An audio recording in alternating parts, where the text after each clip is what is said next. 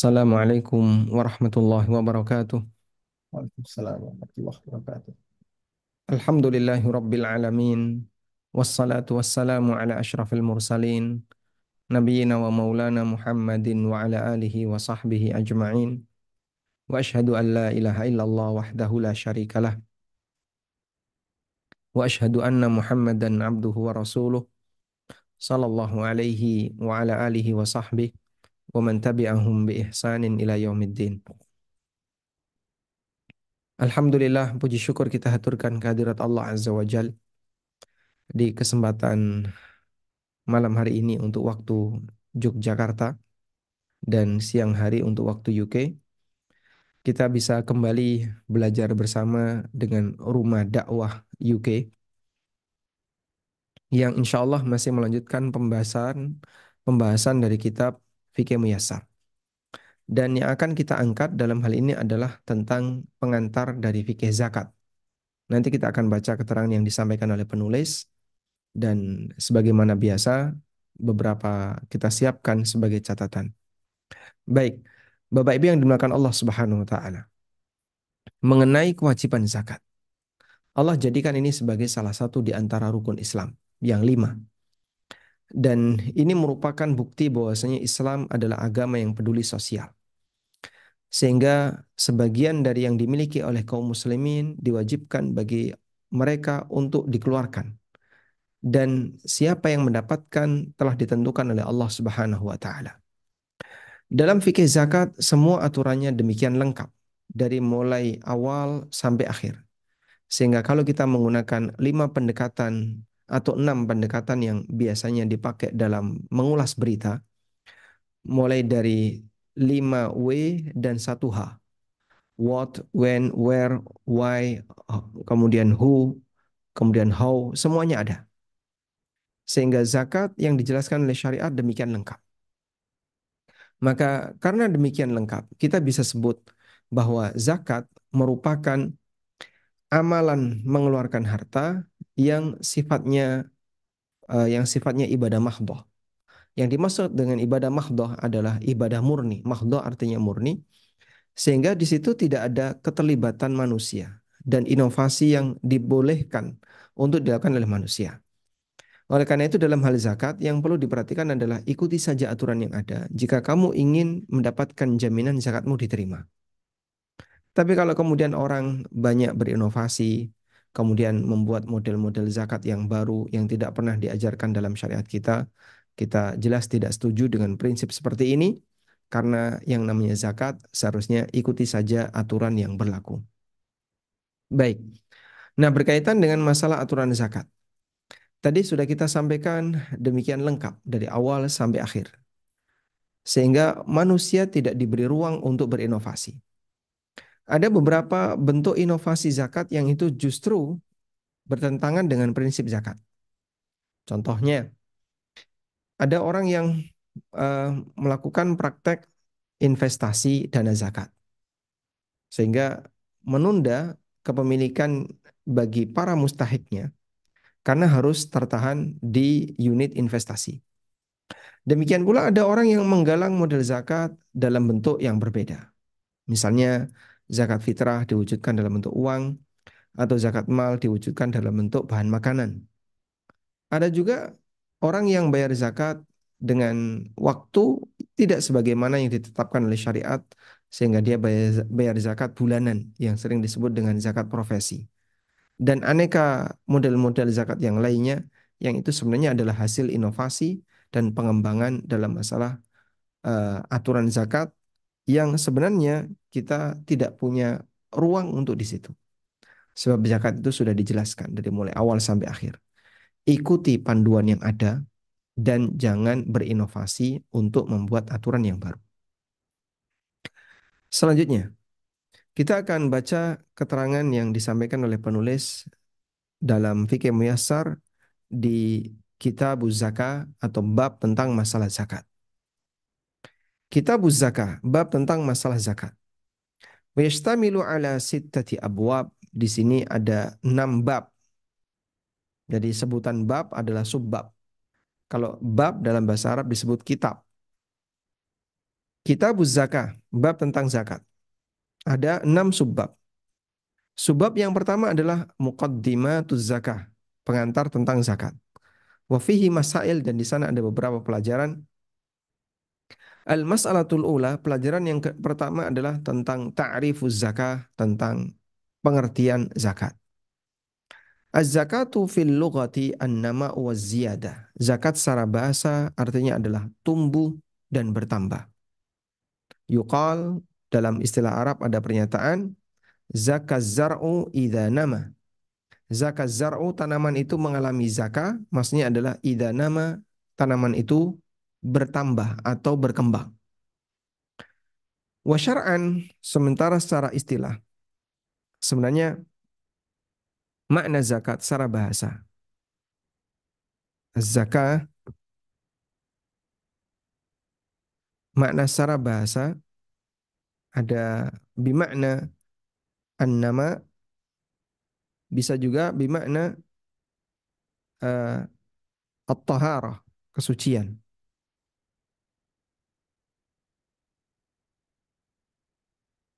Sehingga kata zakat ada dua makna di situ. Yang pertama adalah ini makna bahasa ya. Artinya tumbuh dan berkembang. Yang kedua adalah kesucian. Allah Subhanahu wa taala berfirman kepada nabinya sallallahu alaihi wasallam, "Khudh min amwalihim sadaqatan tutahhiruhum wa tuzakkihim biha." Ada kalimat wa tuzakkihim biha. Di surat At-Taubah ayat 103, wa tuzakkihim biha maksudnya adalah mensucikan mereka biha dengan zakat itu. Wasalli alaihim dan berikanlah salawat kepada mereka.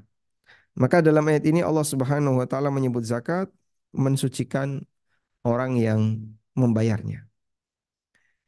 Baik. Selanjutnya secara makna istilah zakat adalah ibaratun an haqqin yajibu fil mal. Ungkapan atau istilah untuk menyebut hak wajib bagi harta. Balagha nisaban yang mencapai nisab muayyanan tertentu bisyurutin makhsusah dengan syarat tertentu wali ta'ifatin makhsusah yang diserahkan kepada sekelompok orang tertentu. Jadi sampai penerima zakat syariat menjelaskan siapa saja yang berhak untuk menerimanya. Wahiyya tuhratan lil abdi wa tazkiyatan li nafsihi dan ini merupakan penyuci bagi hamba dan pembersih bagi jiwanya. Qala ta'ala Allah Ta'ala berfirman di surat At-Taubah ayat 103 yang tadi kita kutip, "Khudh min amwalihim sadaqatan tutahhiruhum wa tuzakkihim biha." Ambillah harta mereka sebagai zakat. Tutahhiruhum wa tuzakkihim biha yang itu akan membersihkan mereka dan menyucikan mereka. Nah, dan perlu dicatat bahwa uh, istilah Al-Qur'an istilah Al-Quran untuk zakat itu ada dua. Ada yang diistilahkan dengan sedekah, ada yang diistilahkan dengan zakat sendiri. Contoh yang diistilahkan dengan sedekah adalah firman Allah Subhanahu wa taala di surat At-Taubah ayat 60 ketika Allah menjelaskan siapa saja orang yang berhak mendapatkan zakat. Coba kita baca di sini. Allah Ta'ala berfirman, Innamas sadaqat lil fuqara. Sesungguhnya sedekah itu milik orang fakir. Maksud sedekah di sini adalah zakat. Sesungguhnya zakat itu dimiliki oleh delapan asnaf. Fakir, miskin, amil, mu'allaf. Dan beberapa asnaf berikutnya. Jumlahnya ada delapan. Baik. Dalam ayat ini Allah Subhanahu wa taala menyebut zakat dengan sedekah. Maka istilah zakat dalam Al-Quran disebut juga dengan sedekah. Ini contohnya Allah firmankan di surat At-Taubah ayat 60. Demikian pula dalam firman Allah Ta'ala eh, berkaitan dengan masalah zakat adalah ini. Surat At-Taubah ayat 103. Allah Ta'ala berfirman, Khud min amwalihim sadaqatan. Ambillah harta mereka sebagai sedekah, maksudnya adalah Sedekah di sini maksudnya zakat. Khud min amwalihim zakatan tutahhiruhum wa tuzakkihim biha wa salli alaihim inna salataka sakanun lahum. Selanjutnya di antara hikmah zakat hiya sababun min asbabi isya'atil ulfah. Zakat merupakan salah satu sebab untuk menyebarkan kedekatan, keakraban, wal mahabbah, membangun rasa cinta antar sama muslim, wat takaful, dan saling menanggung bain afradil mujtama'il muslim di tengah masyarakat muslim. Sehingga kita diajarkan janganlah menjadi orang yang terlalu materialistis dan terlalu kapitalis sehingga apa-apa dihitung dengan uang tanpa mempedulikan orang lain yang dia butuh untuk mendapatkan perhatian dari dana yang kita miliki.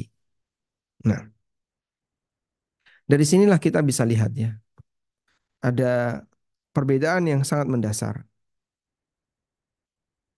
Model perbedaan ya, yang sangat mendasar berkaitan dengan uh, masalah bagaimana ekonomi Islam yang diajarkan. Jadi kalau kita lihat ya, dalam sistem ekonomi sosialis misalnya, yang mereka punya prinsip bahwa hidup ini milik bersama. Hidup ini milik bersama. Sehingga karena mereka meyakini ini milik bersama, sampai pada titik bahwasanya apa yang dimiliki oleh seseorang adalah milik bersama.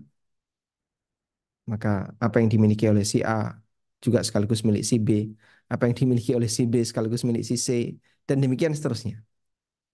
Ini prinsip sosialis, Marxis. Dan dulu uh, ada orang yang menjadi tokoh besar di Persia namanya Masdak yang mereka punya paham Masdakiyah itu punya prinsip seperti ini bahwa annasu syuraka manusia itu bersekutu dalam semua kepemilikan yang mereka miliki. Sehingga akhirnya orang menguasai harta orang lain bisa boleh untuk menjarah harta milik orang lain dan tuan rumah tidak boleh menolak karena itu adalah bagian dari prinsip yang ada dalam ajaran mereka. Walhamdulillah ajaran Masdakiyah ini sudah diperangi di masa Raja Anushirwan Meskipun sebelumnya diterima oleh bapaknya Anushirwan yang bernama Raja Kafat ya, Qobad dalam bahasa Arab. Baik. Kemudian ada sistem ekonomi kapitalis. Mereka ini hanya hidup untuk pribadi. Hidup yang penting pokoknya saya senang. Ya nggak urusan dengan orang lain. Orang lain mau celaka, mau binasa, nggak urusan. Mau mereka jatuh miskin sampai hilang jadi bahkan uh, menjadi budak bagi orang yang kaya itu hal yang biasa. Ini prinsip kapitalis. Dan kalau kita lihat Islam, dalam Islam kepemilikan pribadi dihargai, kepemilikan pribadi dihargai sehingga tidak boleh dilanggar. Namun wajib berbagi. Orang wajib berbagi. Sehingga dalam posisi ini ketika kita lihat dalam Islam kita diajarkan untuk menggabungkan seluruh kebaikan. Maka kepemilikan tidak boleh diganggu antara satu dengan yang lain. Yang kedua, wajib berbagi. Dan salah satu di antara program wajib berbagi adalah berbagi dalam bentuk zakat. Bahkan ini menjadi bagian dari lima rukun Islam. Baik, kita lanjutkan. Al-mas'alatu tsaniyah, pembahasan yang kedua. Hukum zakati wa dalilu dzalika, hukum zakat dan dalilnya. Zakat merupakan salah satu kewajiban dalam Islam, salah satu rukun Islam wa ruknun min arkanihi al khamsa dan menjadi salah satu di antara lima rukun dalam Islam. Wa hiya ahammu arkanihi ba'da shalah dan ini merupakan rukun yang paling penting setelah pelaksanaan salat. Karena kita tahu bahwasanya rukun Islam yang paling tinggi adalah setelah syahadat adalah salat. Nah, bismillah.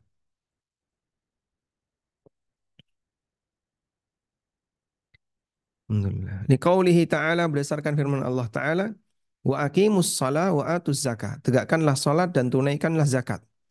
Dan tadi kita sebutkan bahwa kata zakat dalam Al-Quran terkadang disebut sedekah, terkadang disebut zakat. Sekarang kalau yang menyebutnya zakat apa? Al-Baqarah. Ayat berapa tadi? 43. Wa aqimus salah wa atuz zakata warka'u ma'arraki'in. Ayat 43.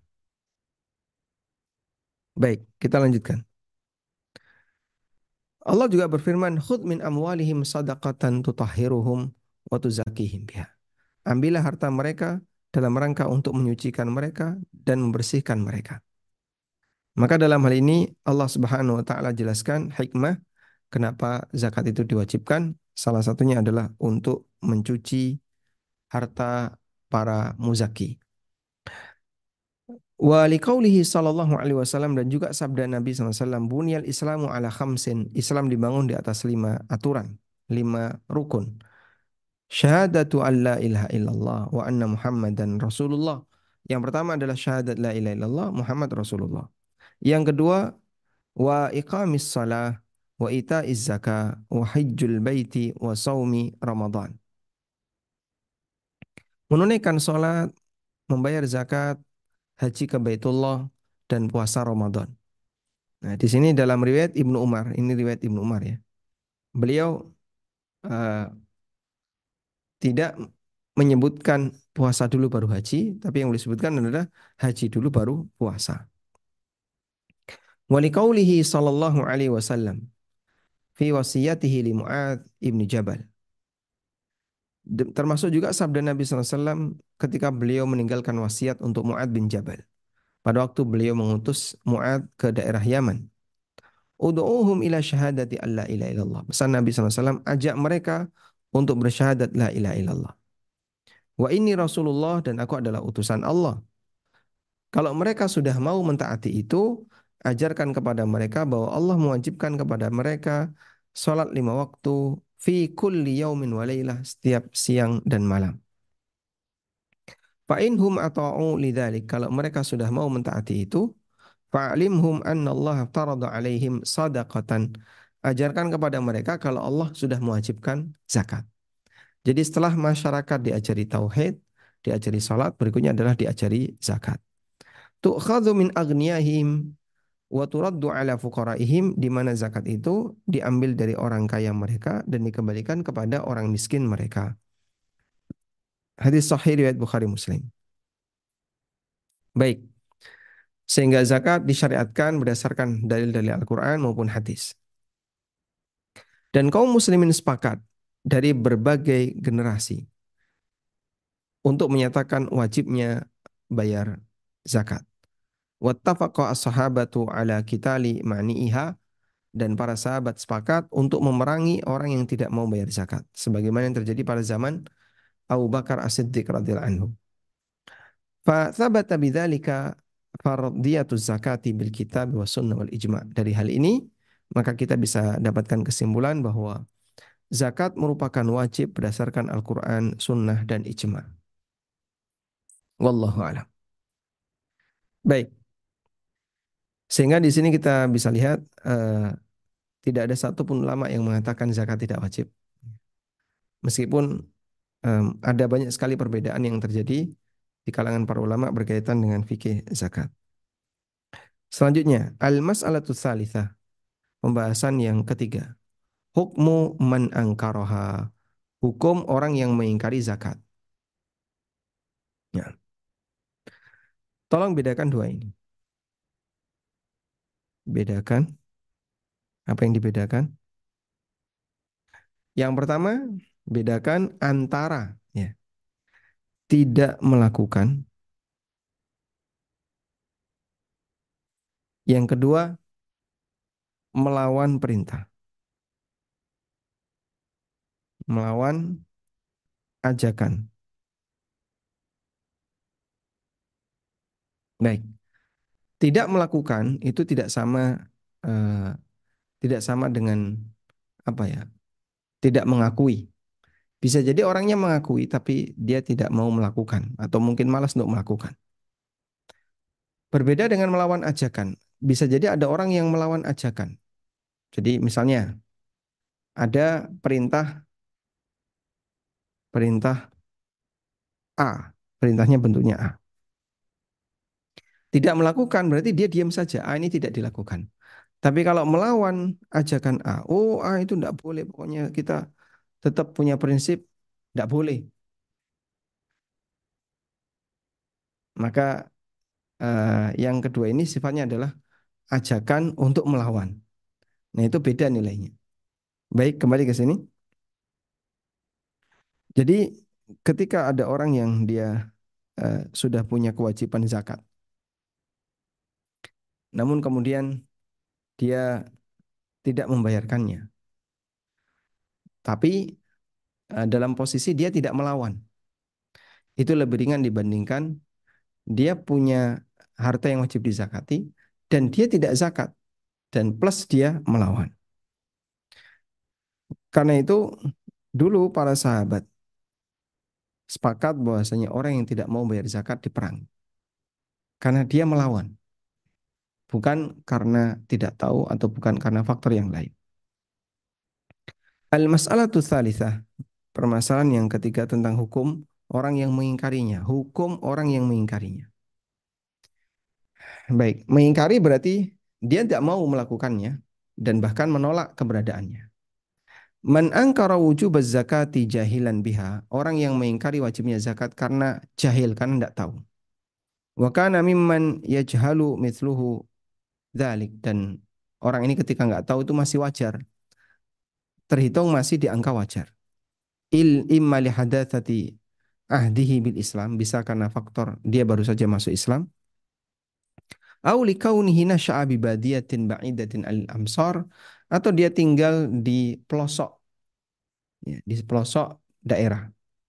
Urifa wujubuha walam yahkum bi kufrihi li'annahu ma'dzur.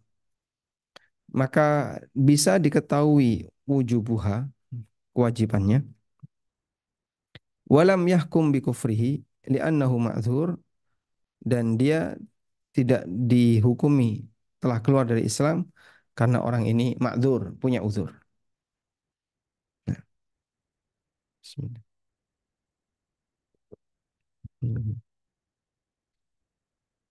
Wa in kana munkiran musliman nashi'an bi biladil Islam wa bayyana ahlul ilmi aw wa bayyana ahlil ilmi fa huwa murtaddun tajri alaihi ahkamur riddah.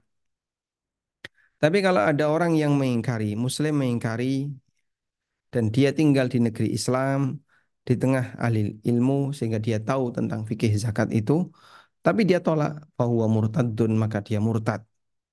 Tajri alaihi ahkamu riddah berlaku untuknya semua hukum karena murtad.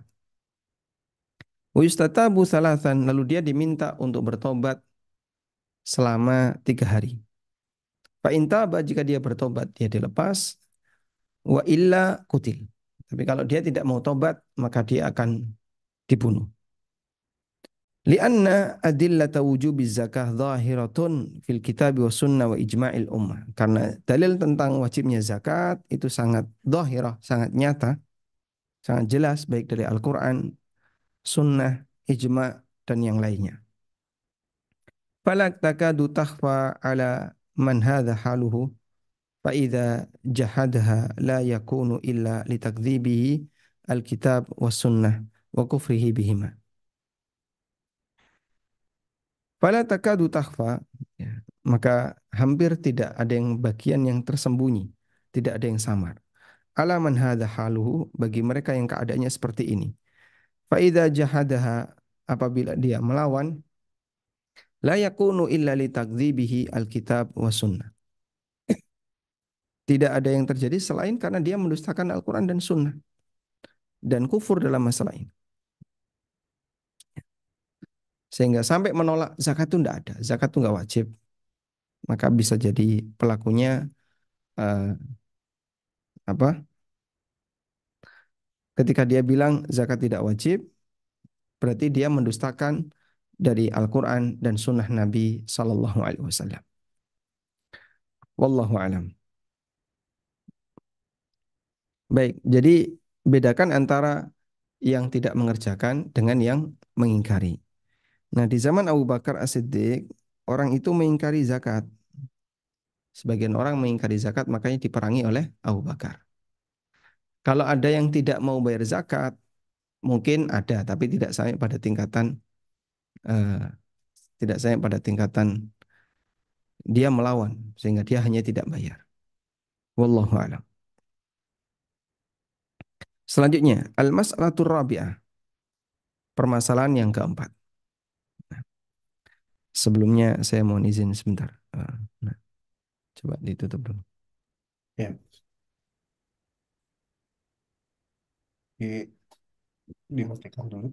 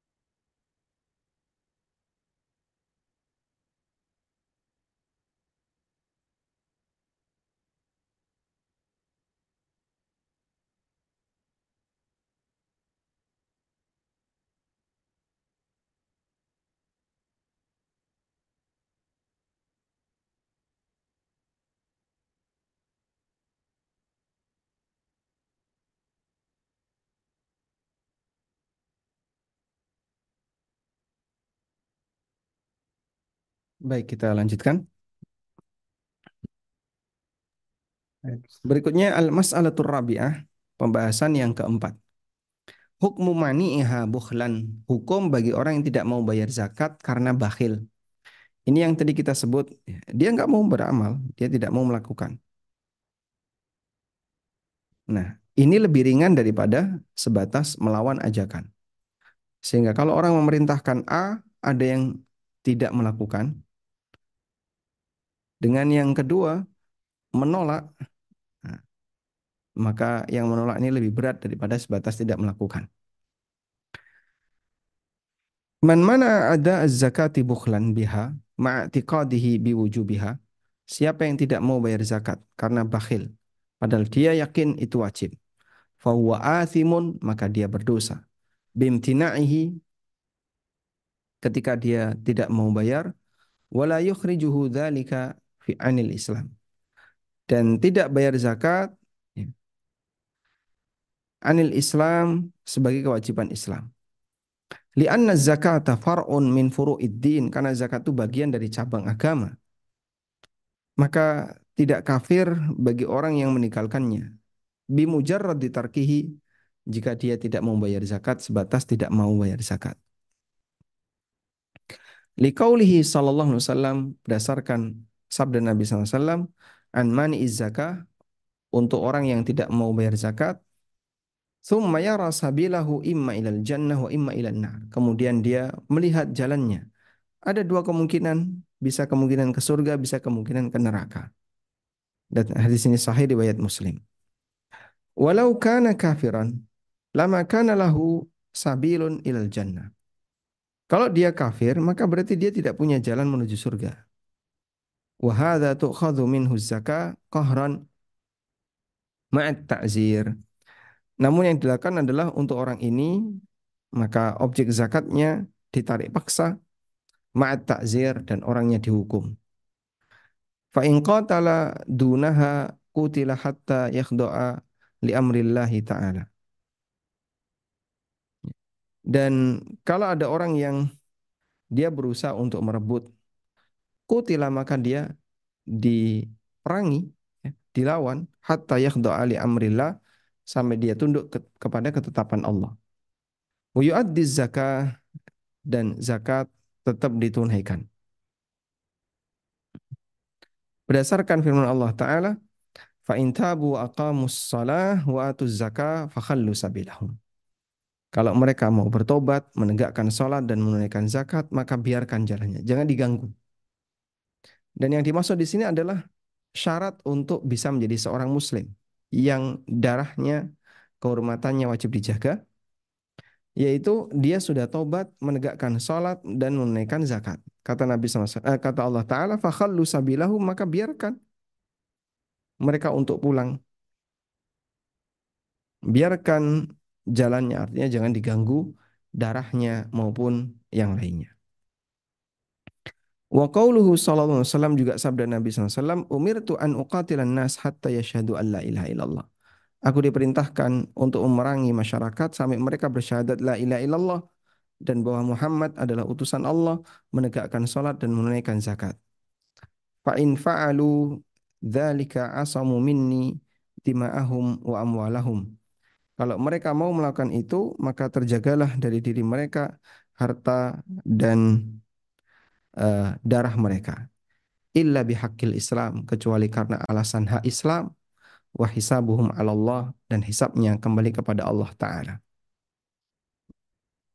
Walikaulihi Abi Bakrin dan juga berdasarkan perkataan Abu Bakar As-Siddiq radhiyallahu anhu. Lau mana'uni anakan. Kalau mereka tidak mau menyerahkan anak. Anak itu apa?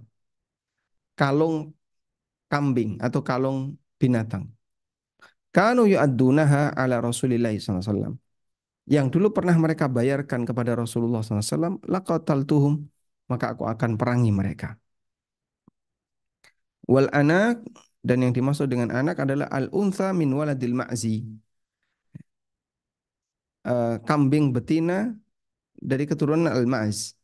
Kambing apa ini? Kambing Jawa betina yang masih kecil. Malam tastakmil sanatan yang belum genap usia setahun.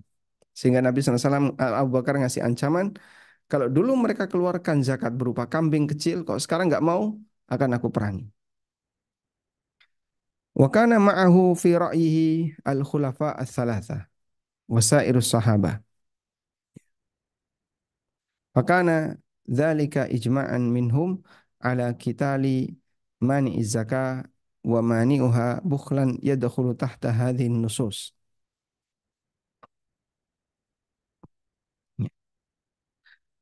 Bahwa uh, wa kana ma'ahu fi ra'yihi al-khulafa ats-tsalatsa bahwa Abu Bakar itu dalam membuat kesimpulan ya, di depan beliau ada khulafa as-salasa tiga calon khalifah Umar, Utsman dan Ali dan para sahabat yang lain sehingga saat Abu Bakar memerangi mereka tidak ada satupun yang protes Fakana dzalika ijma'an sehingga itu dalil bahwasanya hal ini adalah ijma' minhum dari mereka di kalangan para sahabat untuk melakukan uh, peperangan atau memerangi orang yang tidak mau bayar zakat. Wa uha bukhlan termasuk di antara orang yang mati karena yang tidak mau bayar zakat karena bakhil yadkhulu tahta hadin nusus masuk dalam catatan ini. Tayyib. Sehingga di sini perlu kita berikan rincian berkaitan dengan orang yang tidak mau bayar zakat. Kemungkinan yang pertama adalah beliau melawan dan mengatakan zakat itu tidak ada, memusuhi syariat zakat. Maka ini bisa sampai uh, perbuatan kekufuran. Yang kedua, tidak melaksanakan, tidak membayar, tidak bayar zakat.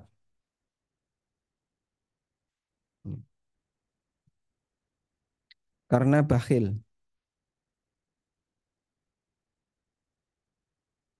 Tidak bayar zakat karena bakhil. Sehingga yang jadi pertimbangan di sini adalah dia karena takut miskin atau dia sayang dengan hartanya dia bakhil. Maka orang semacam ini ya, perlu diberi nasihat. Tetap muslim. Kemudian yang ketiga, tidak bayar zakat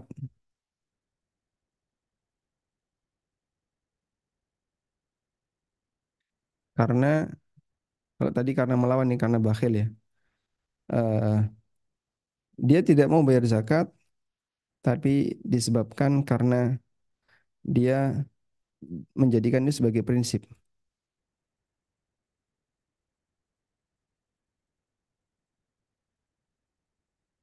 Nah, bagian ini yang diperangi.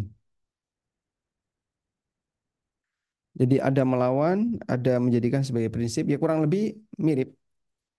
Kalau ini terang-terangan mengatakan, saya nggak ada zakat atau nggak mau bayar zakat. Kalau ini dia tidak mau bayar zakat, itu menjadi bagian dari prinsip agamanya. Dia punya keyakinan tertentu. Maka orang seperti ini diperangi. Sedangkan untuk orang bakhil, dia tidak diperangi, status dia masih muslim, namun hanya saja nanti dia dikasih takzir. Hukuman takzir itu lebih ringan. Wallahu alam. Baik. Sekarang coba dilihat di sini tentang tidak paham zakat.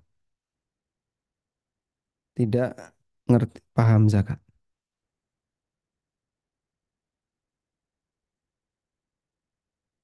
Ketika orang tidak paham zakat, ada yang bentuknya uh, tidak bisa memahami dengan baik, tidak bisa memahami karena tidak bisa ngitung.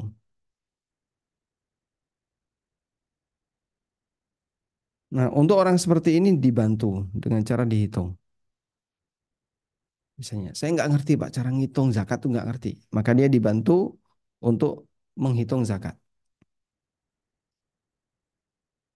Baik. Atau yang kedua, tidak pernah ngerti tentang zakat. Tidak pernah ngerti tentang zakat. Ketika dia dalam posisi tidak pernah ngerti tentang zakat, maka dia niat pun nggak ada. Meskipun bisa jadi dia orang yang royal. Nah, saya pernah ketemu jenis manusia yang kedua ini. Dia royal, pejabat, dan suka memberi. Namun dia nggak ngerti tentang fikih zakat. Sampai satu ketika saat saya menjelaskan tentang apa itu zakat, kemudian orang ini ikut, lalu beliau bilang, baru pertama kali saya dengar kayak gitu. Sehingga selama ini beliau kalau mengeluarkan uang, ada masjid yang butuh dikasih. Ada apa lagi yang butuh dikasih. Ya. Sementara dia sendiri tidak pernah berniat untuk zakat. Apakah bisa terhitung sebagai amal zakat? Jawabannya tidak. Karena zakat itu harus diiringi dengan niat. Zakat harus dengan niat.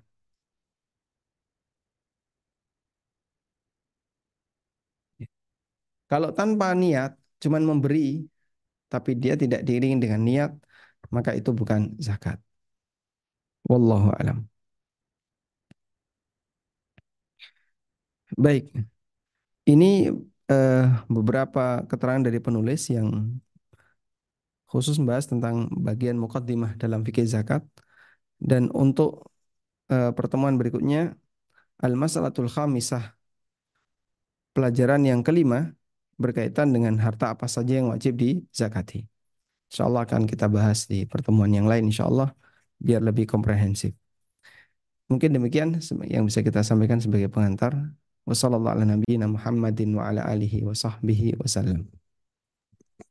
Alhamdulillah, Jazakallahu khairan Ustaz atas waktu dan ilmunya. Eh, saya akan kembali jika ada pertanyaan, silahkan kirim message atau raise hand. Ini sudah ada pertanyaan yang uh, sesuai dengan mirip dengan topiknya Ustaz ya. Apa sebentar Ustaz? Ini ada sebentar saya kok.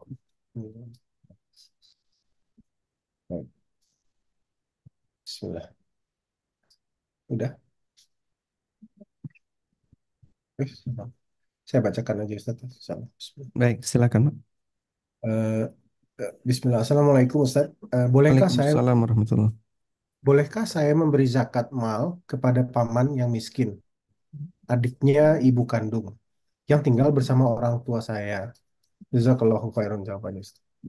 Tinggal bersama orang tua. Iya. Jadi orang tua penanya Ustaz. Siap. Wallahu alam, zakat itu tidak boleh diberikan kepada orang yang wajib kita nafkahi. Yang wajib kita nafkahi. Sehingga kalau dia bukan kewajiban kita untuk menafkainya, maka hukum asalnya dia berhak untuk menerima zakat kita. Dan zakat hmm. untuk kerabat lebih besar pahalanya dibandingkan zakat untuk orang lain. Karena Nabi SAW pernah mengatakan berkaitan dengan orang yang bayar zakat. Tapi untuk keluarganya. Hmm. Dalam hadis yang sahih, Rasulullah SAW pernah bersabda, As-sadaqatu alal miskin sadaqatun. Wa ala dil kurba ithnatan. Sedekah kalau hanya diberikan kepada orang miskin, maka nilainya sama seperti sedekah biasa. Tapi kalau diberikan kepada dawil kurba, orang yang uh, punya kedekatan hubungan dengan kita, maka nilainya dua. Sodakotun wasilah, sedekah dan silaturahmi. Wallahu a'lam. Berikutnya ada pertanyaan lagi Ustaz. Saya share screen, insya Allah. Bismillah. Bismillahirrahmanirrahim. Assalamualaikum warahmatullahi wabarakatuh. Waalaikumsalam warahmatullahi wabarakatuh. Untuk perhiasan berlian, eh, bagaimana cara menghitungnya? Jazakallah khair. Alhamdulillah. Berlian yang berbahan selain emas tidak wajib dizakati. Ya. Tapi kalau dia berbahan emas, itulah yang wajib dizakati. Emas atau perak. Tapi tapi kalau dia berbahan batu atau apa misalnya uh, mutiara atau yang lainnya yang dipakai untuk perhiasan, maka yang seperti ini tidak ada kewajiban zakat. Kecuali kalau dia jual dapat uang. Nah, uangnya itu yang wajib untuk dizakati. Oh. Wallahu alam. Alhamdulillah. Um, apa sebelum ada ada pertanyaan di luar topik, tapi sebelumnya saya tak saya boleh bertanya Ustaz? Silakan. Um, seandainya Ustaz, untuk terutama khususan untuk orang-orang yang seperti saya tinggal di dua tempat ya di Inggris dan di Indonesia misalnya.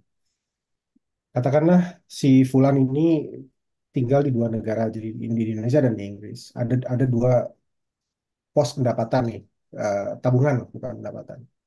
Satu di Inggris, satu di Indonesia. Yang di Indonesia sudah masuk ke nisab dan haulnya juga sudah pada pada haul yang bersamaan yang di Indonesia sudah masuk dalam nisab, yang di Inggris belum masuk. Ini gimana Ustaz? Digabungkan yang di Inggris dengan yang di Indonesia digabungkan jadi satu lalu dikeluarkan zakatnya di Indonesia atau masing-masing di negara yang di Inggris karena belum masuk nisabnya jadi tidak perlu dikeluarkan lalu yang di Indonesia dikeluarkan gimana Ustaz? Caranya? Baik. Wallahu alam yang saya pahami zakat mal itu mengikuti harta. Hmm. Beda dengan zakat fitrah. Zakat fitrah itu mengikuti orangnya. Hmm. Sehingga kalau ada orang Inggris, dia punya perusahaan di Indonesia, misalnya uh, perusahaan A di Indonesia, ketika uh, dia mau bayar zakat, maka yang lebih tepat adalah perusahaan A dizakati sendiri dan keluarkannya dikeluarkannya di Indonesia karena perusahaannya ada di Indonesia. Kalaupun beliau di Inggris dan tidak pulang, tidak masalah. Yang penting zakat itu mengikuti posisi harta. Sehingga dalam hal ini apabila uh, zakatnya untuk perusahaan di Surabaya, ya maka dizakati di Surabaya. Wallahu a'lam. Bedas uh, kalau dalam sebagian madhab memindahkan zakat ya, keluar daerah itu ada yang mengatakan dilarang. Dan ini merupakan pendapat dalam madhab Hambali. Sebagian ulama Hambali melarang akan hal itu. Wallahu a'lam. Uh, mungkin enam menit lagi ya. Biar pas ini ada pertanyaan nomor tiga dari jamaah. Bismillah. Assalamualaikum Pak Ustadz. Eh, kalau kita punya emas sudah sampai nisab, tapi emas tersebut dipinjam untuk digadaikan, siapakah yang harus membayar zakatnya? Yang punya atau yang meminjam Ustaz? Khair. Waalaikumsalam warahmatullahi wabarakatuh. Emas dipinjam nanti dikembalikan dalam bentuk apa? Harusnya emas lagi Ustaz. dikembalikan dalam bentuk uang itu berarti bukan lagi milik Anda. Berarti emas itu sudah terbeli oleh orang Hmm. lain. Tapi kalau dikembalikan dalam rupa emas yang sem- semisal, yang yang sama, maka pada asalnya ketika itu dilakukan eh, apa dengan cara yang sama, ya. Eh, coba tadi ditayangkan Pak Rashid tanya. bisa. Apa Ustaz? Eh,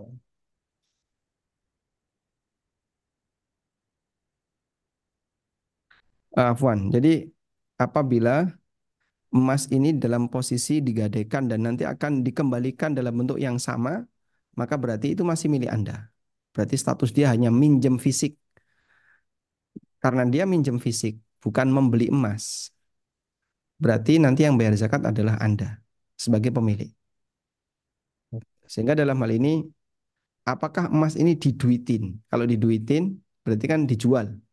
Kemudian berubah jadi emas, berubah jadi uang. Maka emas bukan lagi milik Anda. Selanjutnya yang wajib membayar zakat adalah yang menggadaikan. Tapi kalau nanti dikembalikan dalam bentuk emas, maka masih milik Anda dan nanti Anda berkewajiban untuk membayarkan zakatnya. Wallahu alam.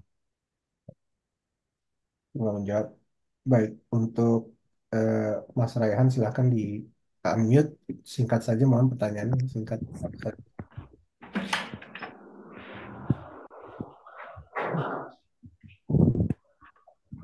Mas Raihan. Assalamualaikum, Ustaz. Waalaikumsalam warahmatullah. Silakan Bapak. Saya mau tanya Ustaz, kalau misalnya apakah boleh seorang muslim itu menerima pesanan makanan atau minuman untuk acara Natal dengan dalih yang pertama yaitu tidak apa-apa menerima orderan makanan atau minuman untuk acara tersebut, as- tapi jangan mengucapin selamat Natal ke mereka. Dalih yang kedua, nggak apa-apa menerima order makan atau minuman untuk Natal karena Nabi Muhammad Shallallahu Alaihi Wasallam pernah berjual beli dengan orang Yahudi. Pertanyaannya apakah dua kedua dalih tersebut bisa kita terima dan apakah seseorang berdosa bila membolehkan temannya atau keluarganya menerima orderan tersebut untuk acara Natal. Barakallahu.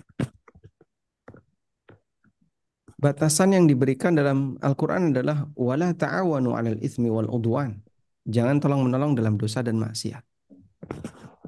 Anda memang tidak ikut Natalan misalnya, tidak ikut perayaan hari eh, agama yang bukan agama kita. Namun apabila yang terjadi adalah Anda terlibat dalam tolong-menolong kegiatan itu, hukumnya tidak boleh. Oleh karena itu dalam hal ini, bedakan antara bermuamalah dengan non-muslim. Pada asalnya hukumnya boleh selama tidak ada tolong-menolong dalam urusan maksiat. Yang kedua, eh, apabila orang itu eh, keberadaannya tidak mempengaruhi kemerihan dari acara non-muslim, maka pada asalnya diperbolehkan. Sebagai contoh, ada bazar, yang bazar itu digelar karena acara perayaan non-muslim. Kita beli di situ boleh nggak? Ini pernah ditanyakan kepada Imam Ahmad bin Hambal oleh Muhanna. Muhanna ini salah satu di antara murid beliau yang berasal dari Syam. Muhanna bercerita bahwa di Syam itu ada perayaan Nasrani. Kalau nggak salah namanya Tir Ayub atau hari apa begitu. Nah, kemudian Muhanna bertanya, di situ ada bazar dan bazarnya murah-murah. Boleh nggak orang Muslim belanja di bazar itu?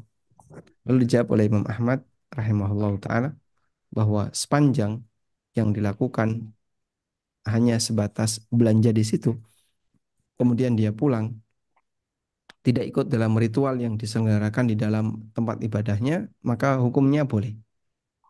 Wallahu a'lam. Nah, kemudian satu lagi ya. Kalau tadi dikatakan Nabi SAW bermuamalah dengan Yahudi, itu dalam hal mubah, bukan unsur ta'awun alal itsmi wal udwan.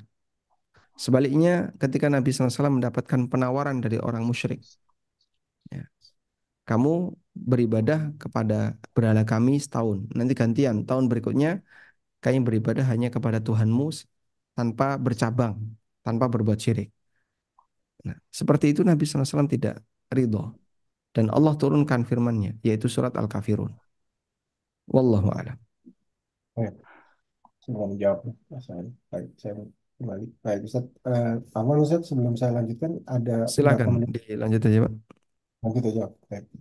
Ah, ah, ini sambungan tadi, Ustaz, maaf, ini ada yang, ada yang bertanya kurang jelas mengenai pertanyaan pertama. Saya share screen yang pertanyaan pertama tadi mengenai paman ya, yang dizakati. Bismillah. Ini pertanyaan berikutnya yang di bawah nih, Ustaz. Eh, Ustaz, tadi anak kurang jelas tentang zakat kepada paman yang miskin atau tante atau ke adik ibu yang miskin. Apakah dibolehkan atau tidak ya? Eh, Lalu apakah kasus yang sama, namun adik ibu itu tidak tinggal bersama ibu saya? Apakah pu- eh, berhak untuk dizakati, Ustaz? Hmm. Tetap eh, ditampilkan, Pak ya. Ini Jadi paman itu wajib dinafkahi atau tidak? hmm, tidak, tidak. Nah, ketika dia tidak wajib dinafkahi, berarti boleh menerima zakat. Nah, dan zakat kepada paman nilainya lebih besar. Karena Nabi SAW mengatakan zakat diberikan kepada kerabat, nilainya zakat dan silaturahmi. Maka Hmm, ketika Anda berikan zakat Anda kepada paman yang tinggal di rumah ibu, misalnya, insya Allah statusnya justru lebih besar nilai pahalanya karena di situ ada unsur silaturahmi yang dilakukan. Wallahu alam. Bagaimana kalau paman tidak tinggal bersama ibu? Apakah dia berhak dapat zakat mal saya? Boleh. Karena kaidahnya Anda tidak berkewajiban memberikan nafkah kepada paman. Dan setiap orang yang kita tidak berkewajiban memberikan nafkah kepadanya, maka dalam hal ini yang bisa kita lakukan adalah eh, silahkan memberikan zakat kepadanya. Karena dia tidak menerima nafkah dari kita. Wallahu alam. semoga terjawab pertanyaannya. Ini pertanyaan berikutnya. Ini saya ada ada ada istilah yang saya kurang mengerti, namun saya tanyakan saja. Izin bertanya, Ustaz. Eh, Ana ada dua anak, mempunyai LM. Logam LM, mulia, Pak. logam mulia. Oh, baik. LM anak-anak ada yang dibelikan oleh Ana dan mereka sendiri dari tabungannya. Untuk zakatnya, apakah terpisah atau digabung mengingat LM masing-masing anak belum sampai hisab jika terpisah, tapi mencapai hisab jika digabung ber- bertiga. Hmm. Bagaimana perhitungannya? Apakah perorangan anak dan kedua anak masing-masing atau digabung bertiga, Ustaz? Ya, tayyib. Eh, wallahu alam dalam hal ini kalau emang sudah jadi milik pribadi, maka eh, logam mulia itu dihitung masing-masing pribadi.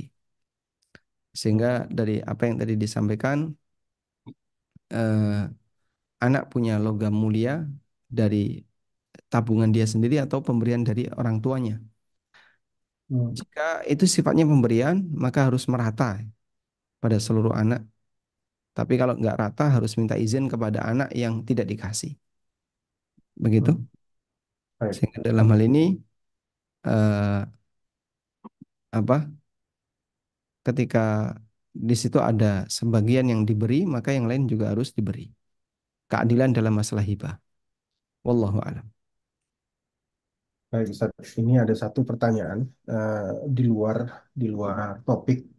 Mungkin kita tutup setelah ini. Jadi pertanyaan terakhir karena sudah malam juga di Indonesia. Ini ada baru saja ada ada pem- Perdana Menteri Belanda baru dilantik. Dia ini terkenal anti-Islam. Hmm. Ada pernyataannya dalam wawancaranya eh, mengatakan Islam itu bukan agama karena setiap orang yang keluar dari agama Islam halal darahnya. Beliau tidak men- menyampaikan berdasarkan hadis ini eh, mungkin typo ya, eh, mohon maaf. Jadi dia menyampaikan bahwa setiap yang keluar dari agama Islam wajib dibunuh menurut Islam. Nah, bagaimana penjelasan hadis tersebut sebenarnya Pak Ustadz? Apakah pernah dipraktekkan di zaman Nabi? Karena ini ada hadis dari dikutip dari Rumaisyo eh, dari Ibnu Mas'ud radhiyallahu anhu berkata Rasulullah SAW bersabda tidak halal darah seorang muslim kecuali karena salah satu dari tiga sebab. Yang pertama, yang orang yang telah menikah karena berzina. Eh, orang menikah yang berzina, jiwa dengan jiwa membunuh. Eh, tiga, orang yang meninggalkan agamanya murtad lagi memisahkan diri dari jamaah kaum muslimin. Ini gimana Ustaz? Apakah betul eh, harus dibunuh Ustaz? Nah, apakah orang yang murtad wajib dibunuh? Itu pesan Nabi SAW. Man baddala dinahu faqtuluh. Barang siapa yang mengganti agamanya, bunuhlah dia. Coba kita tampilkan uh, hadisnya ya.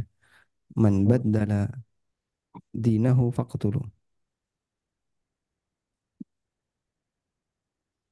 Rasulullah SAW pernah bersabda seperti ini.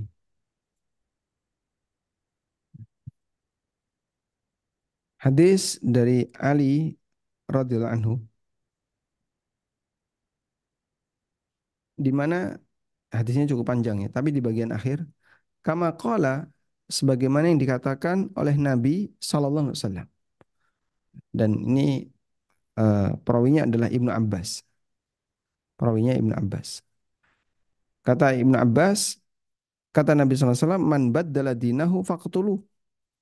Barang siapa yang ganti agamanya, maka bunuhlah dia. Hadis riwayat Bukhari. Dan ini merupakan dalil yang demikian tegas bahwa orang murtad itu dibunuh.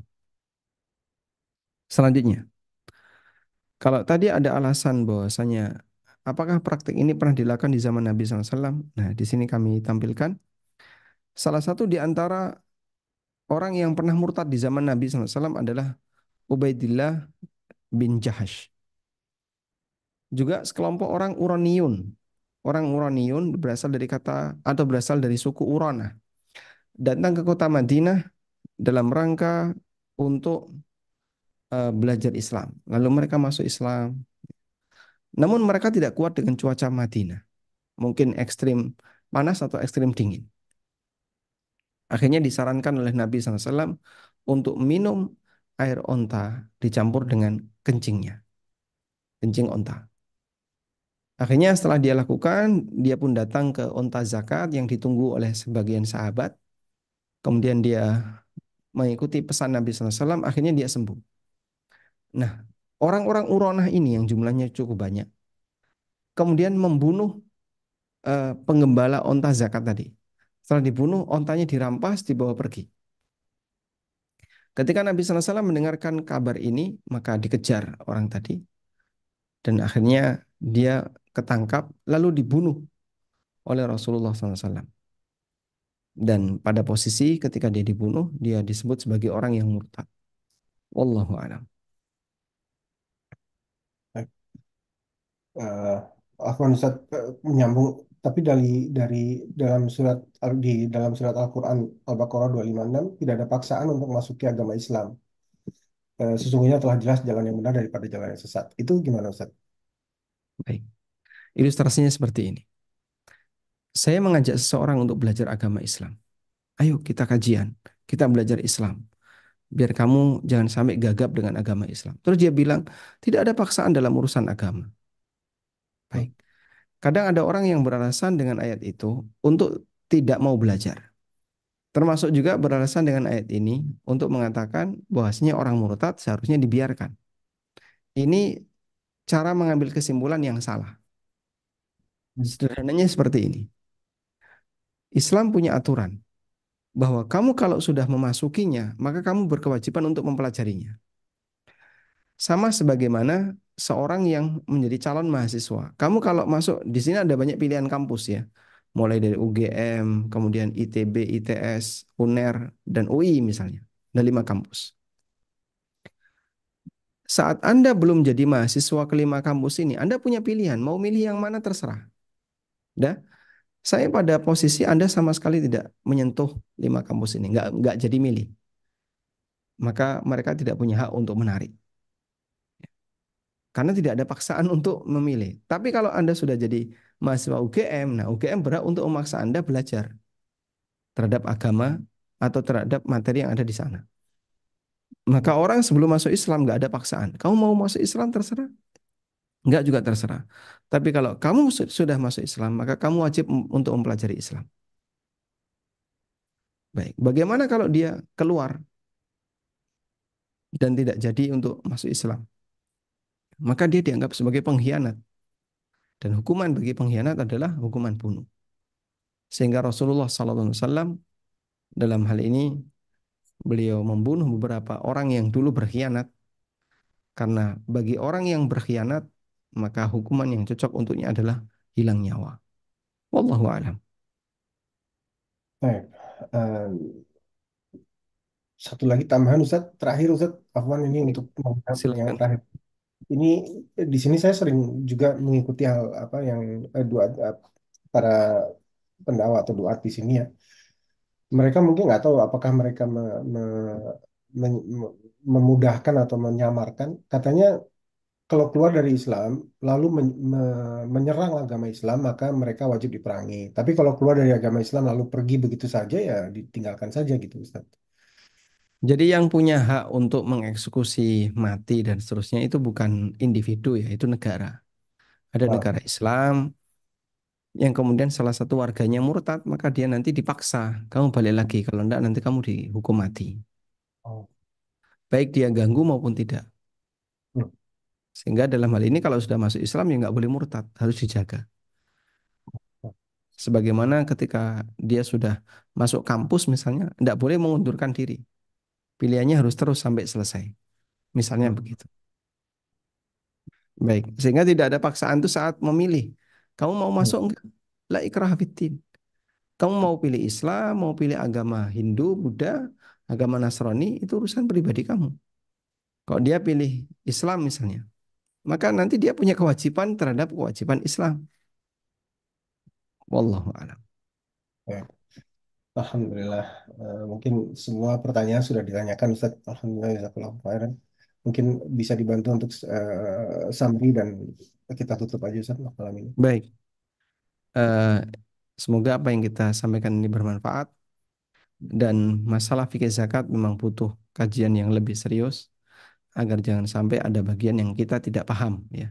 Semoga Allah mudahkan kita bisa jumpa lagi dalam kajian online semacam ini Eh, karena mungkin kajian online kita sering libur disebabkan kalau hari Ahad saya seringnya safar. Tapi semoga nanti bisa kembali seperti semula. Baik, mungkin demikian. Semoga bermanfaat. Wassalamualaikum Muhammadin wa Alhamdulillah alamin. Eh, terima kasih banyak Ustaz dan tim. Insya Allah kita akan bertemu kembali di kajian berikutnya. Jazakumullah khairan. Kita tutup dengan kafaratul majelis. Subhanakallahumma wa bihamdika asyhadu an warahmatullahi wabarakatuh.